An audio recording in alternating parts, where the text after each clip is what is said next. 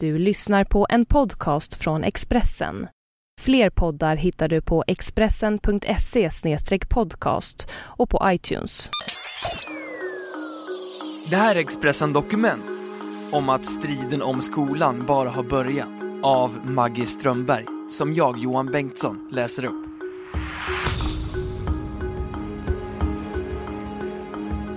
Politikernas utspel haglade medan de ringde in till en ny termin. Med ett år kvar till valet tävlar partierna om att vinna väljarnas förtroende i skolfrågor trots att de egentligen är överens om det mesta. Men striden handlar om något mer än bara skolan.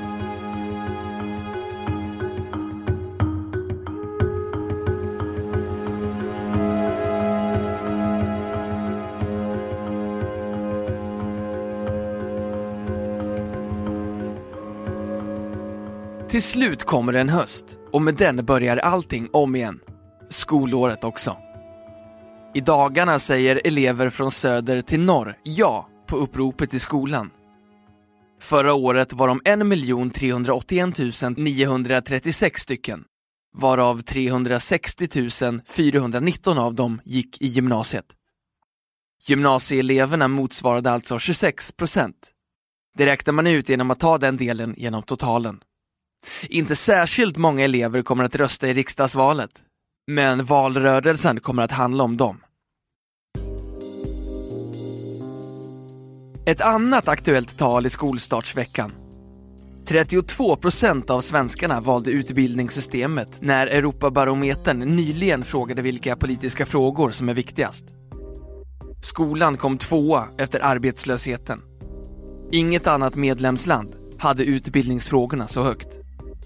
Eller detta. 10 000 elever blev av med sin skola när John Bauer-koncernen gick i konkurs i våras. Nu uppmanar Skolinspektionen föräldrar att kontrollera boksluten innan barnen väljer skola. En siffra till. Åtta personer har antagits till höstens ämneslärarutbildningar i kemi i hela Sverige. Hur påverkar de siffrorna elevernas kunskaper? Hur påverkar de lärarnas? Hur påverkas ett samhälle av långvarig kris i skolan? Så ställs frågorna i en debatt där allt fler politiker blir nervösare. Inom loppet av några dagar visade därför Jan Björklund upp ett nytt industriprogram i gymnasiet. Stefan Löfven lanserade ett treterminssystem på högskolan och Centerpartiet presenterade ett fempunktsprogram för moderna lärarverktyg i skolan. Det intressanta är att utspelsiven inte bara handlar om skolpolitik. Hur partierna lyckats sätta agendan i skolfrågan avgör också hur valrörelsens stora strid ser ut, den om jobb och välfärd. Politiksäsongen startar inte med ett upprop utan med sommartal. I mitten av augusti ställde sig Jan Björklund framför Älvsborgsbron och Eriksbergs Röda Kran och talade utbildning. Han pekade ut två fiender i skolpolitiken. Göran Persson och Ibrahim Baylan. Den första för att han hade kommunaliserat skolan. Den andra för att han ville ha obligatorisk treårig gymnasieskola som ger alla högskolebehörighet. Historiskt har skolpolitiken egentligen varit något partierna kunnat samarbeta rätt bra om. De har haft lite olika åsikter men kommit överens i breda utredningar. Och när någon regering har genomfört en reform har nästa låtit bli att riva upp det här. Men sen blev Jan Björklund skolborgarråd i Stockholm i slutet av 90-talet och började exploatera skolpolitiken.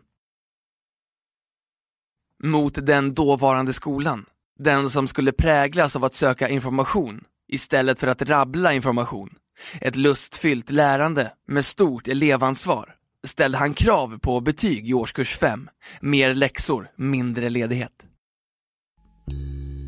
Jan Björklund vill ha lärarlegitimation, elitklasser och lärlingsutbildning, högre lön till duktiga lärare, nationella prov i årskurs 3, kvarsittning och kepsförbud. Hans politik går fortfarande i samma riktning, men nu för tiden är han inte ensam. Förra året blev den moderata påläggskalven Thomas Tobé skolpolitisk talesperson. Partiet har tagit fram en ny skolpolitik och försöker stjäla en del av Folkpartiets rampljus för att få upp sina förtroendesiffror när det gäller skolan. Men det märks också hos Socialdemokraterna. För några år sedan hade partiet gett upp om att vinna skolan. Även när de själva styrde landet var det interna snacket om Folkpartiets dominans för stark för att ens försöka. Idag pekar flera mätningar på att väljarna gillar Socialdemokraternas skolpolitik bättre. Miljöpartiet använder skolan för att bredda sig och har satt sitt starkaste språkrör på frågan. Och både Centerpartiet och Kristdemokraterna har gjort särskilda skolsatsningar under våren. Partierna är inte bara eniga om att problemen i skolan är viktiga. De är också överens om många av åtgärderna. Tittar man på de förslag som just nu rullar runt, och de är många, ser man flera likheter. Annie Lööf sommartalade om att hon framförallt skulle prioritera lärlingsutbildningar i förhandlingarna inför höstbudgeten. Samma vecka ville Kristdemokraterna inrätta ett lärlingssystem för arbetslösa upp till 30. Folkpartiet och Moderaterna vill utveckla gymnasiets lärlingssystem som hittills inte har fungerat särskilt bra. Socialdemokraterna och Miljöpartiet är också positiva till lärlingssystem. Alla partier säger sig vilja minska den administrativa bördan för lärarna. Skillnaderna ligger i hur mycket av individuella utvecklingsplaner och skriftliga omdömen som ska plockas bort. Alla tycker att lärarutbildningen måste förbättras. Läraryrket uppvärderas och lärarna får högre lön. Till exempel genom att utöka de karriärvägar med förstelärare som infördes i år. Tidigare insatser, fler lektionstimmar, fler specialpedagoger är också återkommande idéer. Och Folkpartiets dröm om att återförstatliga skolan, som delas av Vänsterpartiet och Sverigedemokraterna, börjar intressera även övriga partier. De säger inte att skolan ska bli statlig, men vill gärna se ökad statlig styrning och kontroll. Att staten måste ta sitt ansvar för att garantera likvärdigheten. Det är ett annat ord som alla partier använder idag. Krisen i den svenska skolan handlar framförallt om att det är så stor skillnad på bra och dåliga skolor. Att skolan inte längre jämnar ut sociala skillnader på det sätt den brukade. Egentligen är det alltså upplagt för breda överenskommelser och Socialdemokraterna föreslog en sån tillsammans med partierna, fackförbunden och arbetsgivarna i våras. Alliansen återtog initiativet genom att själva bjuda in till en likadan samling strax efter. Likheterna handlar bland annat om att övriga partier har närmat sig Björklund. Miljöpartiet tycker i sitt nya partiprogram att betyg behövs för urvalsprocesser till fortsatta studier. Socialdemokraterna är noga med att betona ordning och reda. Moderaterna tycker att decentraliseringen gått överstyr. Alla politiker fnissar nu för tiden åt idéer om lärarlösa grupparbeten. Men politik bygger som bekant på konflikter och någonting måste valet handla om. Alliansen ser gärna att diskussionen om betygsålder blir central i valrörelsen. Även om borgerliga politiker i bakgrundssamtal säger att betyg är en perifer fråga som inte ensam kan lösa problemen i skolan. De vet att de vinner politiskt på den. I vintras ändrade sig Moderaterna från att vilja ha kvar nuvarande system till att gå om Folkpartiet och kräva betyg redan från tredje klass. Socialdemokraterna vill absolut inte ha en valrörelse som handlar om betyg. Trots att de också har ändrat sig och numera är positiva till betyg från sexan. De tror att många kommer att översätta en sån debatt till ja eller nej till betyg. En sån debatt förlorar nej-sidan. Ytterst få svenska väljare tror på en betygsfri skola. Nej, oppositionen vill istället ha en helt annan konflikt. Socialdemokraterna går till val på färre elever i varje klass, fler specialpedagoger och kvalitetssatsningar i skolan. Miljöpartiet på mer resurser och bättre villkor för lärare. Vänsterpartiet på stopp för friskolevinster som ska ge mer pengar till verksamheterna. Ökade resurser står mot sänkta skatter i en rödgrön drömkonflikt. Ska oppositionens konfliktlinje bli den viktiga gäller det för de tre partierna att visa att regeringen har tvingats sänka kvaliteten i skolan för att finansiera sina skattesänkningar. Moderaterna gör sitt bästa för att bevisa motsatsen. Socialdemokraterna är alltså rädda för en betygsdebatt.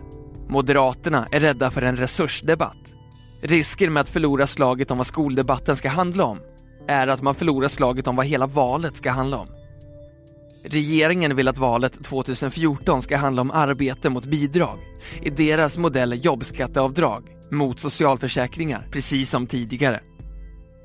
Att bygga ut bidragssystemen brukar Anders Borg säga är verklighetsfrånvänt i en globaliserad värld och med en åldrande befolkning. Skolfrågan är en öppning för oppositionen att oskadliggöra konflikten mellan arbete och bidrag. Den som gett Alliansen två valvinster.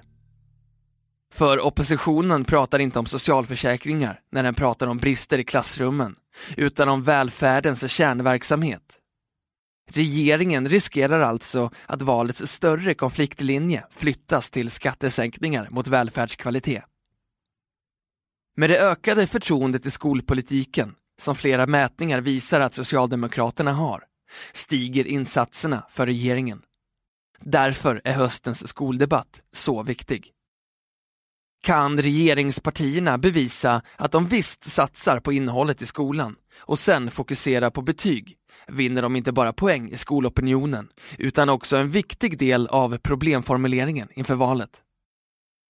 Lyckas oppositionen å andra sidan hamra in agendan kommer valrörelsen handla om att en grundskolelärare med en lön på 28 100 kronor i månaden tack vare jobbskatteavdraget betalar 25 056 kronor mindre i skatt per år. Men att det sker på bekostnad av att lärarens elever aldrig kommer att kunna räkna ut hur stor del den skattesänkningen är i procent.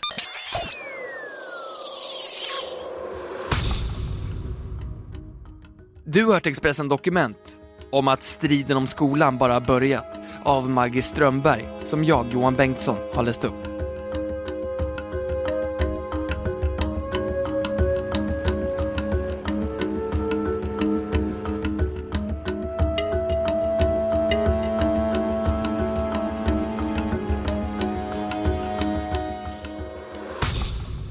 Du har lyssnat på en podcast från Expressen. Ansvarig utgivare är Thomas Mattsson. Fler poddar finns på Expressen.se och på iTunes. Ett poddtips från Podplay. I fallen jag aldrig glömmer djupdyker Hasse Aro i arbetet bakom några av Sveriges mest uppseendeväckande brottsutredningar. Går vi in med hemlig telefonavlyssning och, och då upplever vi att vi får en total förändring av hans beteende. Vad är det som händer nu? Vem är det som läcker? Och så säger han att jag är kriminell, jag har varit kriminell i hela mitt liv men att mörda ett barn, där går min gräns. Nya säsongen av Fallen jag aldrig glömmer på Podplay.